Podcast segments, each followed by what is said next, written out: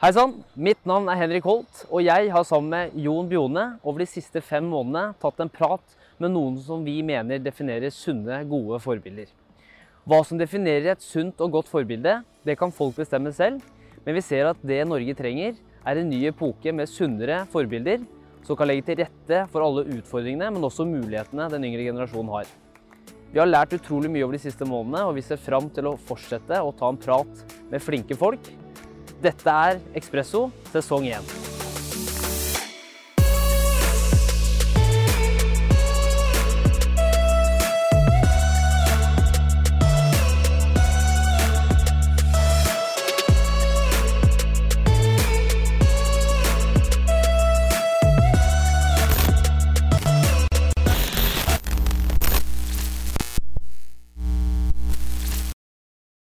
I sesongens første episode har vi tatt en prat med Dana Teke. Hun er en av grunnleggerne av Young Sustainable Impact, som nå, siden 2017, har fått inn over 10 000 søknader fra over 180 land. Deres mål er å være med å løse FNs bærekraftsmål på både globale og lokale utfordringer. Vi håper dere får like mye verdi ut av den samtalen som det jeg og Bjone fikk. Her er episode én. yes. Ja. Danat, først og fremst, tusen takk for at du tar deg tid til å sette deg ned med oss. Takk for at du kom med. Og, jo, takk for det. Og grunnen til at vi har starta den serien her, Ekspresso, er jo for å ta en prat med noen av de flinkeste menneskene Norge har å by på. Mm. Og du er jo definitivt en av de. Takk. Så for de som ikke vet hvem du er, du er jo, mm. begynner jo å bli relativt kjent i gründermiljøet. Men eh, kan ikke du fortelle litt eh, om deg selv og organisasjonen du har vært med å starte og jobber i nå? Ja, ok, Jeg vet ikke om jeg blir, er liksom helt sånn kjent, da, men jeg heter i hvert fall Danat. 24 år, født og oppvokst i Oslo. Um, bakgrunn fra opprinnelse fra Eritrea, men er født på Løkka. Så studert på Lillehammer og litt i Sør-Afrika. For eh, det vi kaller nå Ivy League Innlandet, da. Yes. Nei da, Høgskolen på Innlandet. Så har jeg også gjort litt andre ting før det. Så før jeg begynte å studere, så var jeg i Forsvaret. Eh, Et år i Garden. Så det eh, var helt greit. Jeg vil jo si, jeg har jo på en måte vært veldig tett på dere helt siden begynnelsen. Mm. Og jeg vil jo si at det dere har fått til de siste årene, er kanskje mye større enn det man ser i mediene. Mm. Eh, I hvert fall hvis man ikke leter. Og kan ikke du fortelle litt hvilken reise det har vært? For dere har jo i hvert fall i 2017 Mm. eh, så fikk dere til noe ganske stort nå. Ja. Så jeg var veldig heldig for å kjenne alle som startet Young Sustainable Impact før det ble noe av. For den, på den tiden så jobbet jeg med noe som heter Future Leaders, som er et lederutviklingsprogram for unge. Det var egentlig på den plattformen hvor alle som startet YC, da, som er forkortelsen, møttes. Um, så når de startet det i slutten av 2015, begynnelsen av 2016, som en respons på eh, Paris-konferansen, hvor hele verden kom sammen for å bli enige om mål, så sa de at vi er lei av prat. Vi har lyst på løsninger, og vi har lyst til å ha fokus på, em, på unge eh, og etablerte sammen. Da. Og vi tror at mange av utfordringene i verden kan løses gjennom entreprenørskap. At unge er drivkraften i dette arbeidet i samarbeid med etablerte. Så da ble det starten på UC, og så jobbet de i et år før jeg fikk bli med på denne reisen. Ehm, og det har vært utrolig spennende. Uh, og det har vokst. Og som du sier, i 2017 da, så fikk vi jo 10 000 søkere til et innovasjonsprogram som vi driver, uh, til kun 25 plasser. Men litt sånn når dere får inn 10 000 søknader, da. Ja. Hvordan skal man klare å på en måte kvalifisere ut de som skal være med? Det er 25 plasser. Ja. Jeg var jo litt med og så på søknadene selv, og jeg må si at standarden var høy. Mm. Men hvordan går man fram? Nei, det Kanskje dere kan hjelpe oss litt, men vi har ikke funnet riktig teknologi i hvert fall, Nei. som kan hjelpe oss med å lese gjennom alle på en god måte. Så vi leser jo manuelt alle søknader.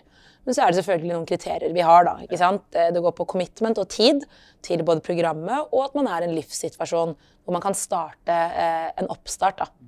Eh, bortsett fra det så går det på kvalifikasjoner, på skills, eh, motivasjon for å være med.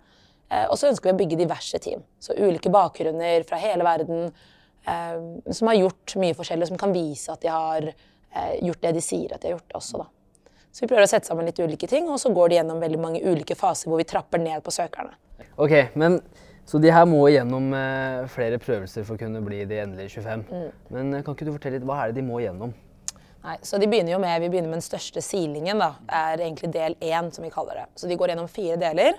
Og første del går egentlig på å si veldig informativt liksom, informasjon. Hvem er du, hva driver du med, hvor gammel er du, hva er utdanningen din, hvilke ferdigheter har du? Så krysser de av. Sier noe om hvilke mål, altså bærekraftsmål som de bryr seg om.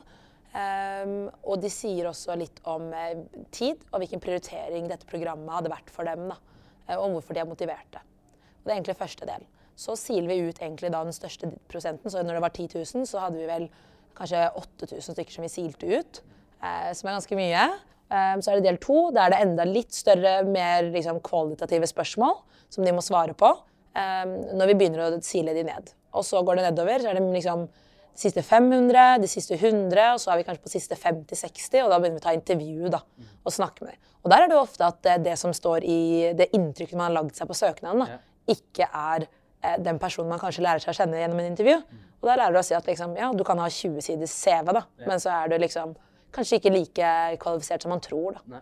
Så, men på andre siden får jeg også se utrolig mange talentfulle mennesker. Ja. Og altså, det fins så mye talent, og vi konkurrerer også med så mye talent utenlands nå som verden blir mer globalisert. Ja. Det er folk som har doktorgrader i en alder av 23 år, eh, tre patenter, flere startups, eller jobber i store, etablerte bedrifter og ja.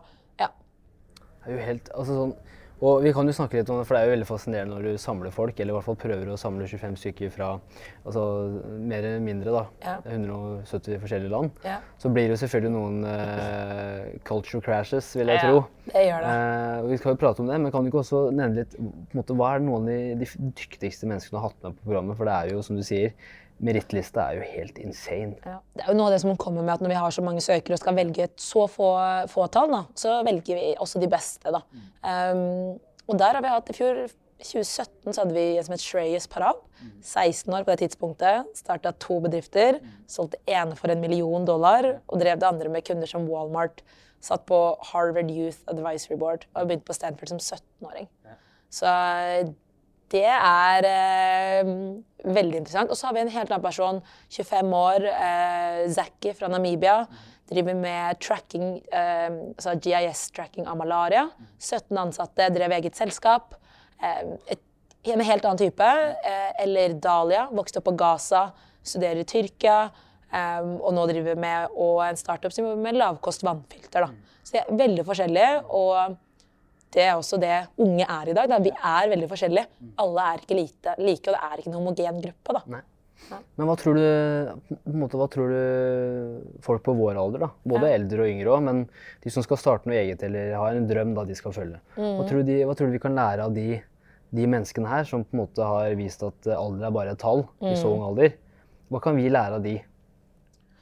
Kan de lære at uh, vi kan lære mye om mot og det å tørre, det å vite det å kunne balansere ting. Altså Mange av disse unge har også helt andre uh, utgangspunkt når de kommer inn til det. De jobber for å løse problemer de kanskje har med familiene. Da, ikke sant? Vannfilter, vi har ikke ren tilgang, uh, vi har ikke tilgang på rent vann hjemme.